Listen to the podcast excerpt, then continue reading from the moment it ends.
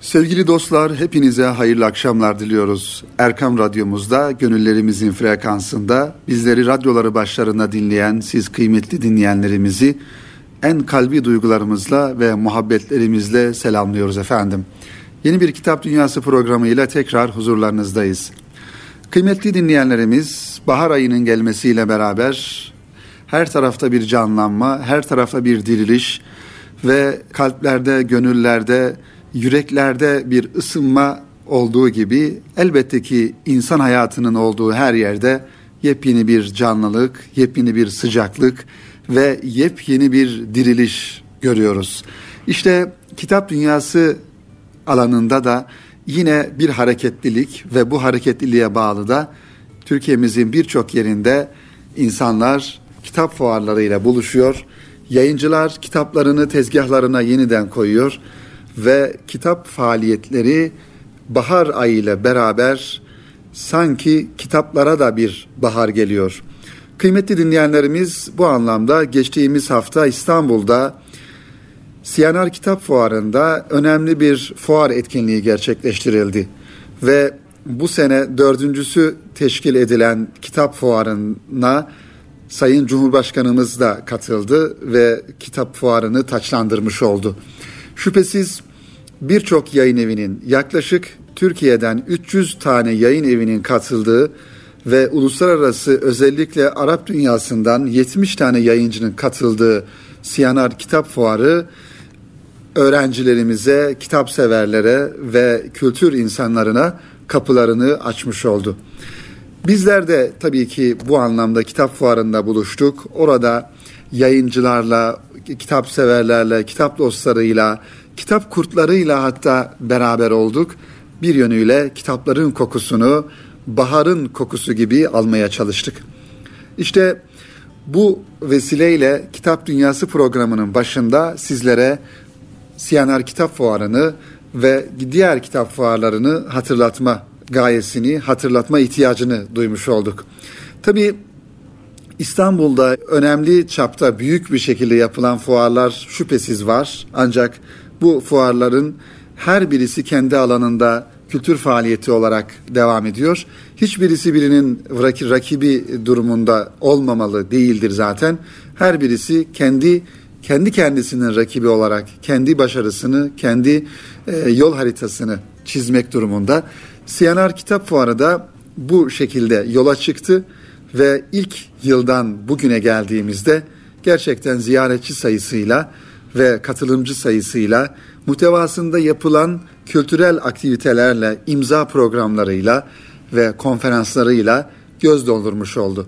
İşte bu güzel haberi sizlerle paylaştıktan sonra yakın zamanlarda özellikle Mart ayının sonlarına doğru yine Bursa'da, Denizli'de ve farklı e, illerde kitap fuarları devam ediyor, devam edecek ve teşkil, e, tertip edilecek. İnşallah şu an bizleri o illerde dinleyen kardeşlerimize de bunların haberini vermiş olalım kıymetli dinleyenlerimiz. Bu arada tabii şunu ifade etmemde fayda var. Cumhurbaşkanımızın CNR Kitap Fuarı'na katılması, misafir olarak açılışına katılmış olması gerçekten bu anlamda önemli bir faaliyet olmuş oldu. Devletin en üstündeki e, insanların, zirvedeki insanların ve devlet ricalinin kültür faaliyetlerine sahip çıkması bu faaliyetleri yapan insanlar açısından da bir moral ve motivasyon unsuru olarak değerlendirmeli. Cumhurbaşkanımıza da bu anlamda Siyanar Kitap Fuarı'na katıldığından dolayı bir kitap dünyası programı yapımcısı ve sunucusu olarak aynı zamanda bir yayıncı olarak teşekkürlerimizi ifade edelim kıymetli dinleyenlerimiz. Efendim geçtiğimiz hafta sizler için tezgahımıza koyduğumuz güzel kitaplardan bahsetmiştik. Tabii bu kitaplara her geçen gün yenileri ekleniyor ve biz de tezgahımızda bulunan bu güzel kitapları sizlerle paylaşmaya, sizlere aktarmaya çalışıyoruz. İşte onlardan bir tanesi geçtiğimiz haftalardan beri aslında sizlere aktarmayı, muhtevasını sizlerle paylaşmak istediğim bir kitap var elimde. Bu kitap usta yazar Sevinç Çokum'un kapı yayınlarından çıkan Gözyaşı Çeşmesi Kırım'da Son Düğün isimli bir romanı. Tabi sürekli ifade ediyoruz kıymetli dinleyenler. Roman veya hikaye kitaplarını tanıtmak öyle diğer fikir kitapları kadar kolay olmuyor. Nitekim bu kitapların, roman ve hikaye tarzı kitapların muhtevaları belli bir alanda olmamakla beraber uzun bir bir film şeridi gibi hatta bir film gibi olaylar zinciriyle ifade edildiğinden dolayı sadece belki o kitapların ana temasını ne anlatmak istediğini birkaç cümleyle ifade edebiliriz. Ancak elbette ki roman ve kitap roman ve hikaye kitaplarının tanıtımı oldukça zor. O yüzden bir metinden istifade ederek sizlere inşallah Sevinç Çokum hanımefendinin Gözyaşı Çeşmesi isimli kitabını sizlere aktarmaya çalışacağız. Türk Edebiyatı'nın emektar kalemlerinden Sevinç Çokum, yeni kitabı Gözyaşı Çeşmesi Kırım'da son düğünde tarihi karakterleri kurguyla buluşturuyor. Kırım Hanı Giray kalbini kaptırdığı Dilara için bir çeşme yaptırır.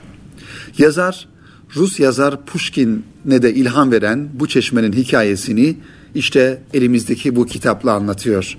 Özellikle aşk romanları, e, o temiz ve güzel duyguları anlatan romanları bu manada okumak okuma e, merakında olan ve bu şekilde bu kitaplara ilgi duyan e, dinleyenlerimizin okuması gereken bir kitap olduğunu düşünüyorum. Kimi zaman tarihin zengin ve engin sayfalarından gün yüzüne çıkmamış öyküleri kendine has üslubu ile okurlarla buluşturan, bunu yaparken tarihle kurguyu harmanlayan yazar, bugün hala yazmaya ve üretmeye devam ediyor. Yazarın son kitabı Gözyaşı Çeşmesi Kırım'da Son Düğün, yine sırtını tarihe dayayan bir roman çalışması. Yazarın daha önce Hilal Görününce adlı romanında geçen Gözyaşı Çeşmesi bu kez başka bir eserin ana konusunu oluşturmuş. Malum kıymetli dinleyenlerimiz Osmanlı coğrafyasının şöyle haritada gözümüzün önüne getirdiğimiz Osmanlı coğrafyasını Anadolu'muz başta olmak üzere bugün Suriye, Irak alt taraflarda baktığımızda, güneye doğru indiğimizde Suudi Arabistan ve o civardaki e, ülkeler, yukarılara baktığımızda Karadeniz tarafına baktığımızda işte oralarda Kırım, Kırım Hanlığı ve o civardaki ülkeler Diğer taraftan batıya doğru baktığımızda ta Kosova, Bosna Hersek oralara kadar ki olan bölgeler bütün bu coğrafya yüzyıllar boyunca Osmanlı yönetimi altında bulunmuş bizim topraklarımız diyebileceğimiz e, ülkeler. Ancak tarihin getirmiş olduğu hazin hadiseler neticesinde Osmanlı Devleti tarih sahnesinden çekiliyor ve bu ülkeler her birisi bu ülkelerin üzerinde bir takım emelleri olan, hedefleri olan, bu ülkeleri sömürmek isteyen farklı güçlerin e, yönetimi altına girmiş oluyor.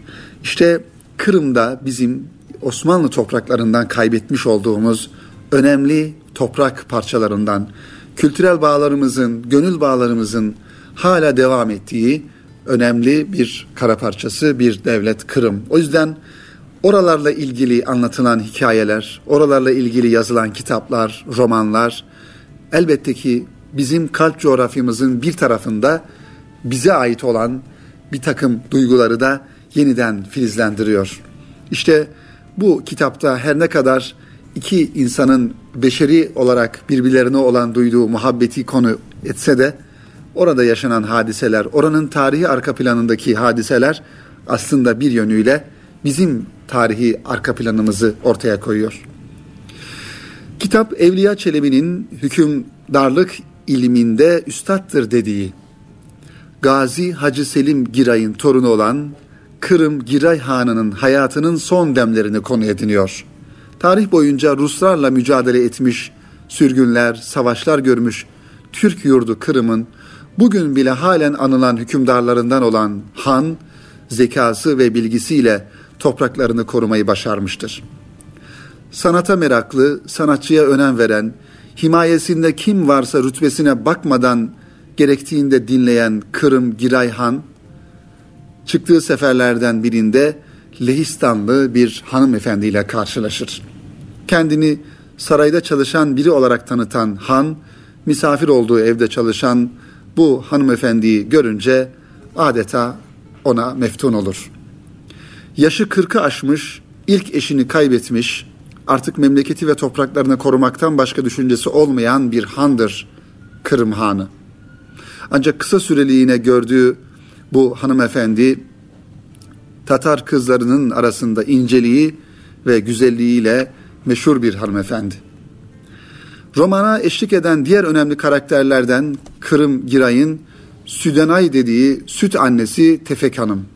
Onun çocukluğu ve gençliğine tanıklık etmiş, adeta ona annesi kadar yakın olmuş. Ne tuhaf yaşamanın sıcak yanıydı Südenay.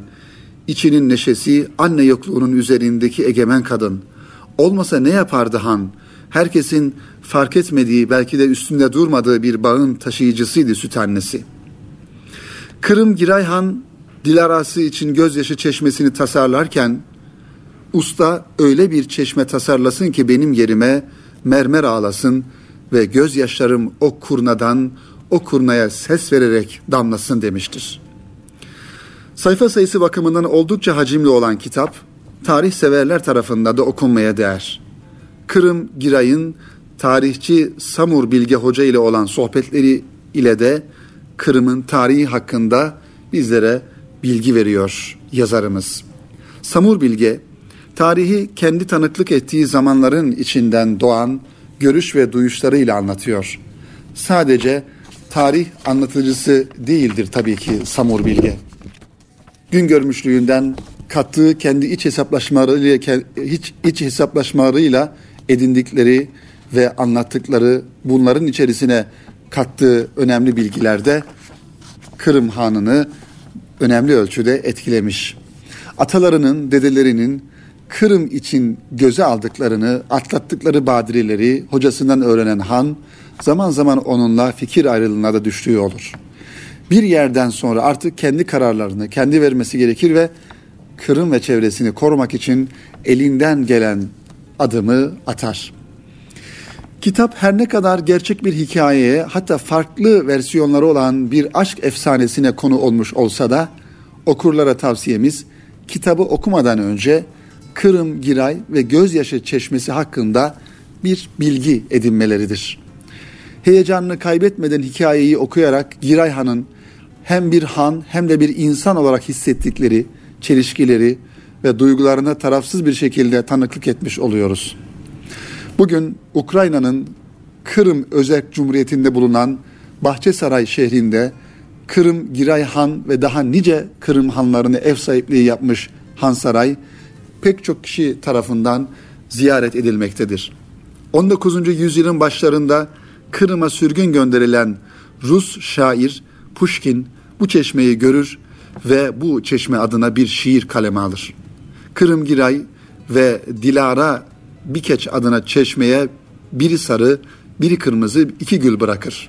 Bugün halen çeşmeye her gün iki taze gül konulmaktadır. Bu iki birbirini seven insanın anısına. Pushkin'in çeşmeye verdiği önem sayesinde Rusya pek çok yerin adını Rusçaya çevirirken Bahçe Saray'ın adını Türkçe aslına uygun olarak bırakmış Kırım Giray ve Dilara'nın aşkları hakkında pek çok rivayet mevcut olsa da gerçekleri tek bilen bugün halen hayatta olan Han Saray'ın duvarları olsa gerek diyoruz kıymetli kitap dostları ve Sevinç Çokum'un kapı yayınlarından çıkan Gözyaşı Çeşmesi Kırım'da Son Düğün isimli romanını sizlere tavsiye ediyoruz. Roman okumayı seven ve romanların sayfaları arasında kaybolmayı seven dinleyenlerimize bu kitabı tavsiye etmiş olalım inşallah. Efendim bahsettiğimiz gibi programımızın baş tarafında sizler için tezgahımızda oluşturduğumuz, sizlere sunmaya gayret ettiğimiz kitaplarımıza devam ediyoruz inşallah.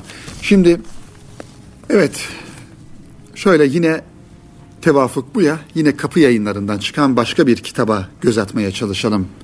Bir ateş, bir ateşpare, bin yangın isimli Beşir Ayvazoğlu'nun kaleme almış olduğu ve yeni çıkan bir kitap. 360 sayfadan oluşuyor. Bir Ateşpare Bin Yangın isimli kitap.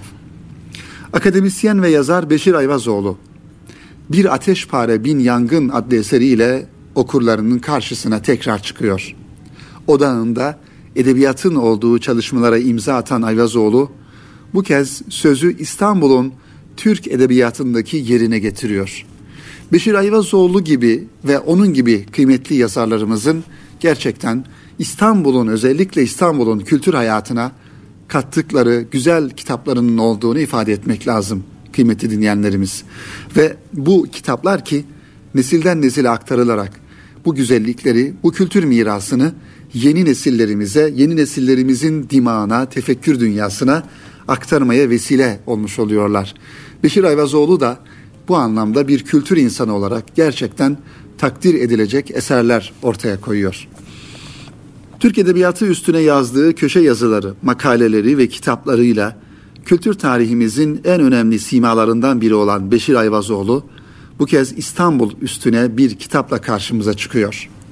Bir Ateşpare, Bin Yangın adlı bu son kitabında İstanbul'un Türk edebiyatında nasıl işlendiğini, yazarların penceresinden nasıl göründüğünü ve edebiyatımıza ne gibi bir zenginlik kattığını divan şiirinde divan şiirinden günümüze değin çeşitli örnekler eşliğinde ve etkileyici bir üslupla bizlere anlatıyor. Beşir Ayvazoğlu dendiğinde akılda beliren ilk şeyin kültüre dair olması tesadüf değildir. Biraz önce ifade ettiğimiz gibi. Kendisi Yahya Kemal Beyatlı ve sonrasında Ahmet Hamdi Tanpınar gibi medeniyet kavramını özümsemiş bir geleneğin günümüzdeki önemli temsilcilerinden birisidir. Kitaplarında da bu iki önemli edebiyatçıya sık sık atıfta bulunur Beşir Ayvazoğlu. Adeta kendisini onlardan aldığı zengin mirası taşımak ve nesline aktarmakla mükellef tutmuş gibidir. Nitekim 1982 yılında yayımladığı Aşk Estetiği adlı eseriyle başlayan yazarlık kariyeri hep belli bir çizginin üstünde ilerlemiş, yazdıkça kendisini geliştirmiş, yazıları geliştikçe edebiyatımızı etkilemiş ve şimdilerde özellikle biyografi türünün önde gelen atlarından biri haline gelmiştir. Yahya Kemal Beyatlı, Asaf Halet Çelebi, Peyami Safa ve Tarık Buğra gibi edebiyatçılarımızın biyografilerini kendine has üslubuyla adeta roman kıvamında kaleme almıştır Beşir Ayvazoğlu.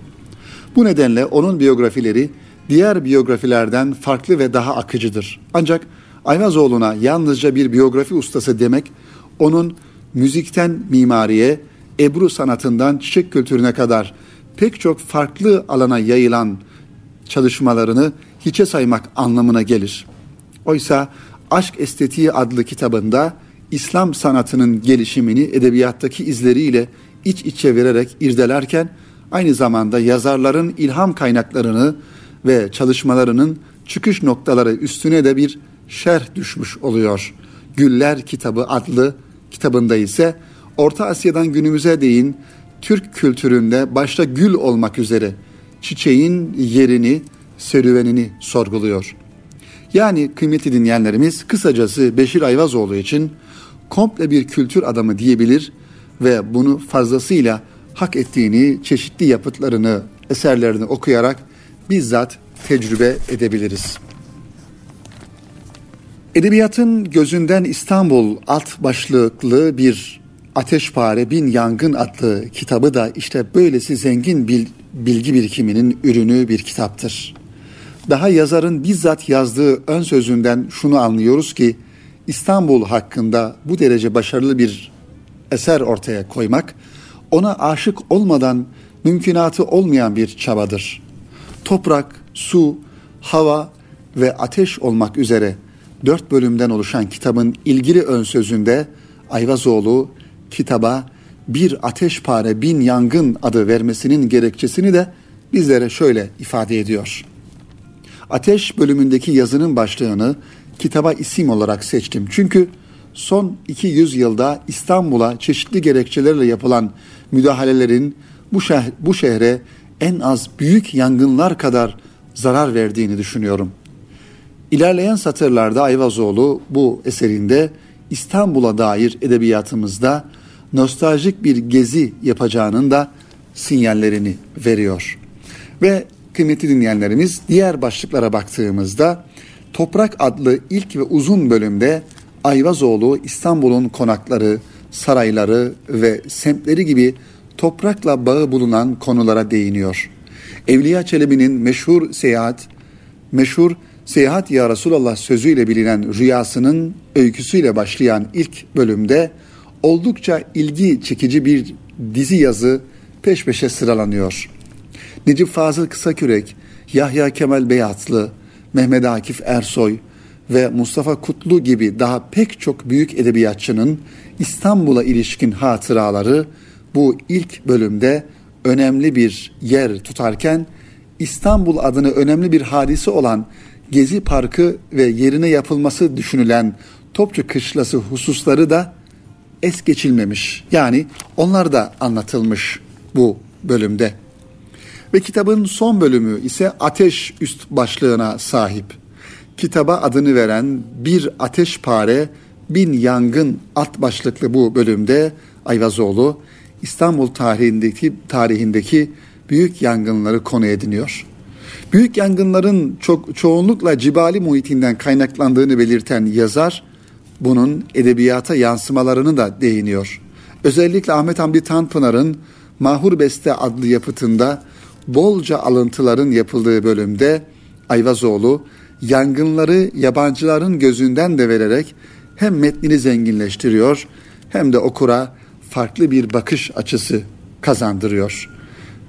Bir ateşpare bin yangın hem edebiyatla edebiyata ilgi duyanlar hem İstanbul'a aşık olanlar hem de komple bir şehir kültürü üstüne kitap okumak isteyecekler için eşsiz ve örnek bir kaynak olma potansiyeline sahip bir kitap. Gerek ilgili konularda şahane resimlerle desteklenmesi, gerek yerinde ve ölçüsünde alıntıları, gerekse de roman tadındaki akıcılığı ile Ayvazoğlu'nun bu eserinin tıpkı diğer eserleri gibi bir başucu kitabı, bir klasik olacağını sezmek için elbette ki kahin olmaya gerek yok diyoruz kıymetli dinleyenlerimiz ve Beşir Ayvazoğlu'nun kapı yayınlarından çıkan Bir Ateşpare Bin Yangın isimli kitabını da İstanbul meraklılarına, İstanbul aşıklarına ve İstanbul'un gerçek e, yüzünü özleyen dinleyenlerimize, kitap dostlarına tavsiye ediyoruz. Şimdi de yakın tarihimizi yakından ilgilendiren bir e, kitaptan bahsetmek istiyorum. Bu kitapta İz Yayıncılık'tan 2017 Şubat ayını Şubat ayında 2017'nin Şubat ayında çıkan ve 230 sayfadan oluşan 28 Şubat'a 28 öykü ismiyle karşımıza çıkan önemli bir e, kitap. Yakın tarihimizi yakından ilgilendiriyor dedik çünkü gerçekten henüz 28 Şubat'ın yıl dönümünü geçtiğimiz haftalarda yaşadık ve bu anlamda gerek medyada gerek toplum hayatında sivil toplum kuruluşları aracılığıyla 28 Şubat'ının ülkemiz insanına yaşatmış olduğu o derin travmanın e, neler olduğu noktasında faaliyetler yapıldı, konferanslar verildi.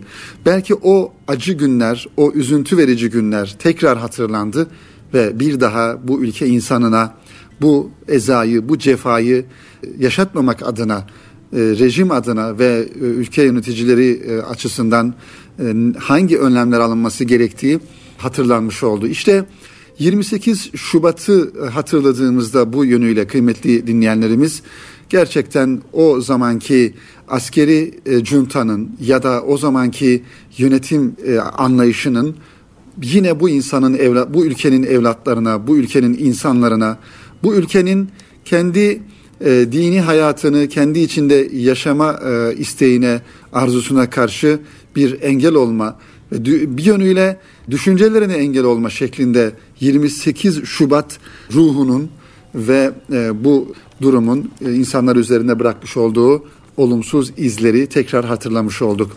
İşte iz yayıncılık bu 28 Şubat'ı yeniden hatırlama belki, belki o çerçevede olan olayları yeniden e, gün yüzüne çıkarma noktasında farklı bir kitap hazırlamış kıymetli dinleyenlerimiz.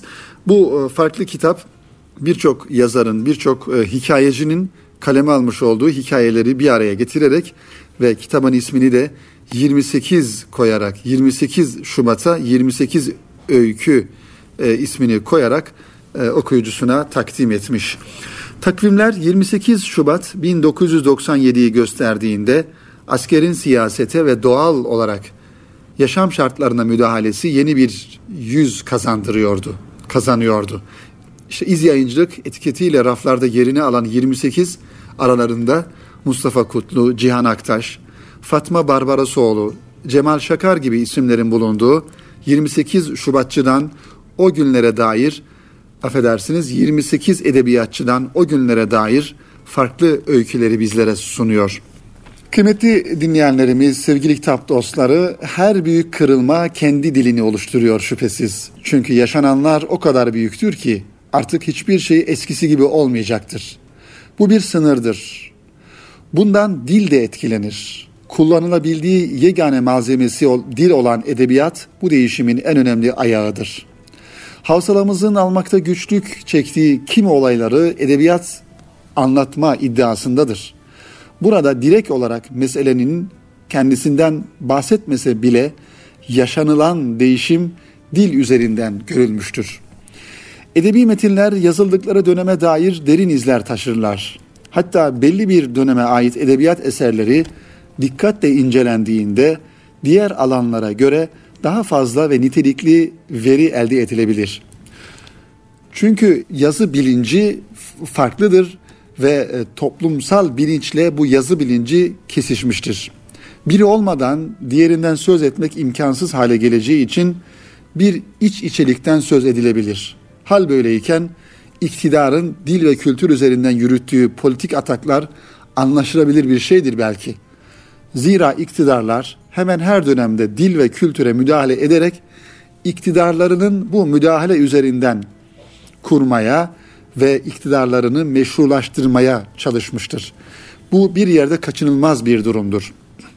Bu bağlamda bir dönemi edebiyat daha doğrusu öykü üzerinden okumak ve anlamak isteyenler için yakın zaman önce az önce bahsetmiş olduğumuz iz yayıncılıktan çıkan 28 isimli kitap yayınlandı. Öykücü Abdullah Harmancı ve Mehmet Kahraman'ın editörlüğünde yayınlanan bu kitap 28 Şubat'a 28 öykü iz yayıncılıktan neşredildi. Adından da anlaşılacağı üzere kitapta 28 Şubat temalı öyküler yer alıyor.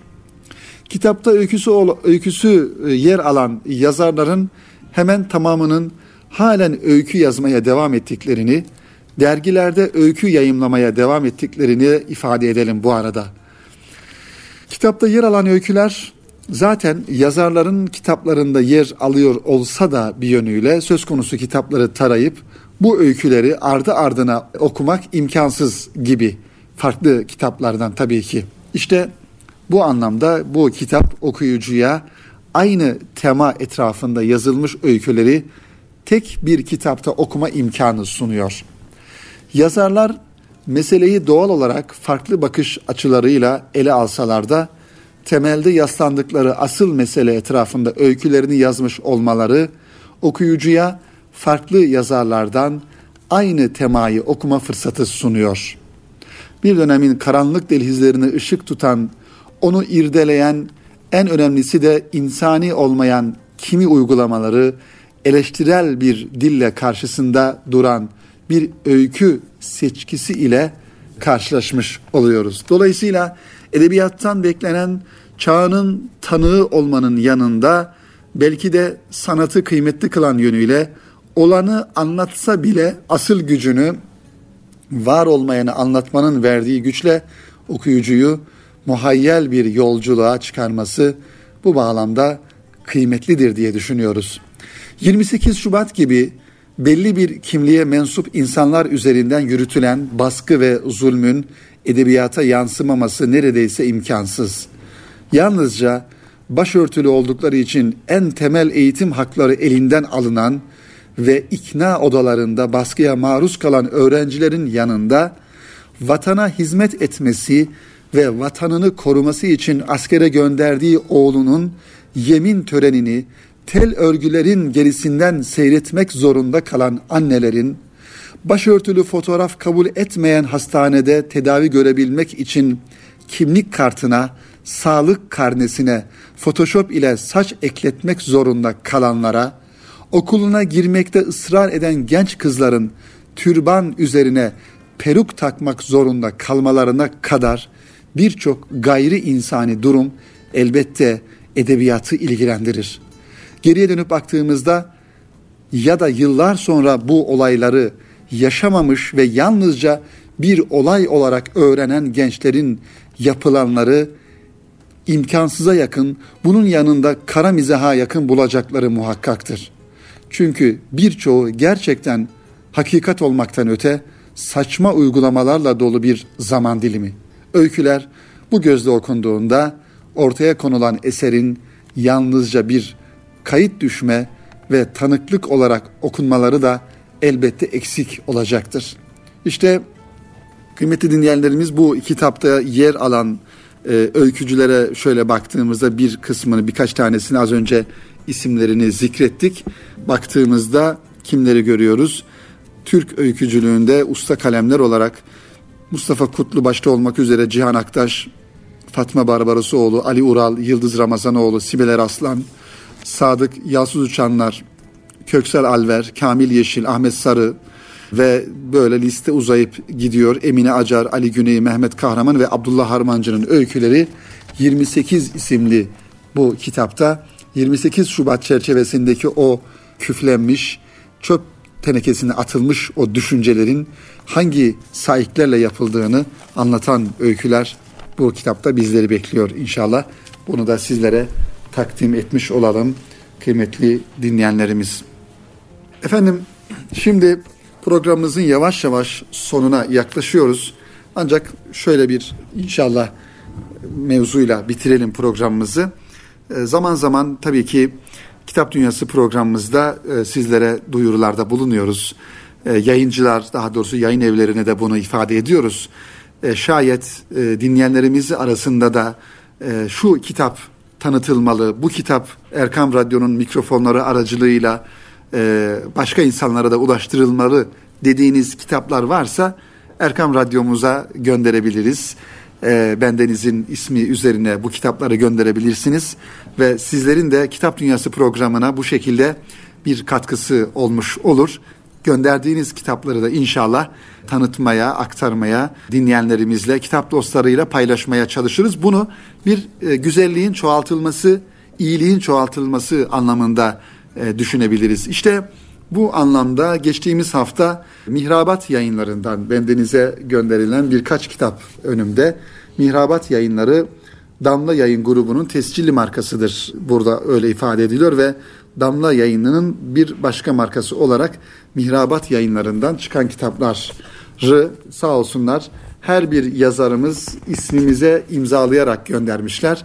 Elbette ki bu güzel jestlerinden dolayı, bu güzel tavırlarından dolayı hem onların isimlerini e, burada anma ihtiyacı hasıl olmuş oldu üzerimize ve kitaplarını da kısaca şöyle isimlerini ifade ederek inşallah Kitap Dünyası programına e, yazarlarını olmasa da kitaplarını misafir etmiş olalım. İlk önce Aşkın Mihrabı Yusuf isimli kitabı Hasan Basri Bilgin beyefendi imzalamış, göndermiş. Kitabın arka kapak yazısında şöyle güzel ifadelere e, rastlıyoruz. Dediler ki ey Züleyha tez söyle bu kimdir? Bir sabah rüzgarı ya da bir meltem. O sustu bilenler dedi. Evet bildik. Sence bir aşk fırtınası o. Şarkısını söyler denizler. Dersini anlatır suresi. Alabilsek ele, durabilsek önünde biz. O Yusuf'tur. Belli ki sonsuz sevgi ve aşkın mihrabıydı Yusuf. Babası yürekten sevdiği onu kuyuya attılar. Züleyha ona aşık oldu, onu hapse attılar. O sadece, sadece Rabbini sevmişti. İşte bu şekilde güzel cümlelerle devam ediyor kıymetli dinleyenler. Eminim ki bu kitabı okuduğumuzda da Hazreti Yusuf'un ve onun yaşamış olduğu o Yusuf kıssasında da anlatılan o hadiseleri en güzel şekilde bu kitapta bulunacağız. Hasan Basri Bilgin Bey'e teşekkürlerimi arz ediyorum. Diğer bir kitap baktığımızda yine Nurettin Taşkesen Bey'den Esaret 1916 bir tarihi roman yine Mihrabat yayınlarından çıkmış ve Doğu cephesinde 1916 yılında Ruslara karşı büyük mücadele veren ardından Moskoflara esir düşen e, düşüp gurbet ve esaret hayatı yaşayan bir kahramanın romanını anlatıyor bu kitapta. Nurettin Taşkesen Beyefendi'ye de ismimize imzaladıklarından dolayı teşekkür ediyoruz. Ve yine tarihi bir roman Cavit Ersen'den bu sefer Mihrabat yayınlarından Yıldırım Bayezid isimli kitap ve Yıldırım Bayezid'in yaşamış olduğu dönemi tarihi bir bakış açısıyla bir roman diliyle anlatıyor. Üstün İnanç Hoca'dan bir kitap var burada. Ayıp Uşakları isimli bir kitap. Bu da yine Mihrabat yayınlardan Üstün Bey'in sağ olsun kendi imzasıyla bize göndermiş bu kitabı. Ve bir deneme yazarı, usta bir deneme yazarı Murat Başaran'ın bir e, kitabına rastlıyoruz e, burada. Ve e, bu e, kitaba şöyle baktığımızda kıymetli dinleyenler, deneme bir kitabı eğer seni sevmeseydim ismini taşıyor. Murat Bey'e de teşekkür ediyoruz. Ve Üstün İnanç'ın Bir Kimlik Lütfen isimli kitabı tekrar ve aynı zamanda Sara Gürbüz Özeren hanımefendiden 93 Harbi ve Nene Hatun evet tarihi bir roman bu da 93 Harbi ve Nene Hatun Erzurum'un yiğit annelerinden Nene Hatun biliyorsunuz. O yıllarda Erzurum'da Ermenilere karşı özellikle vermiş olduğu o dasitani mücadelenin sembolleşmiş bir şahsiyeti, bir kahramanı olarak karşımıza çıkıyor Nene Hatun. Sare, Sara Gürbüz Özeren hanımefendi de bu kitapta tarihi romanda 93 Harbi ve Nene Hatun'u bizlere anlatıyor. Her bir yazarımıza tekrar tekrar ayrıca ayrı ayrı teşekkür ediyoruz. Kitapları gönderdiklerinden dolayı yine ifade ettiğimiz gibi kıymetli dinleyenlerimiz sizlerin de tanıtmamızı arzu ettiğiniz bu kitap mutlaka e, tanıtılmalı, insanlara ulaştırılmalı dediğiniz kitapları Erkam Radyomuza bekliyoruz. Sizlerin adına o kitapları da tanıtmış oluruz inşallah. Efendim Kitap Dünyası programının da bu hafta sonuna gelmiş bulunuyoruz. İnşallah e, yeni kitaplarımızla ve yeni konularımızla önümüzdeki haftada tekrar buluşmak ümidiyle hepinizi Rabbimize emanet ediyoruz. Kitaplarla kalın, dostça kalın diyoruz efendim. Hayırlı akşamlar diliyoruz.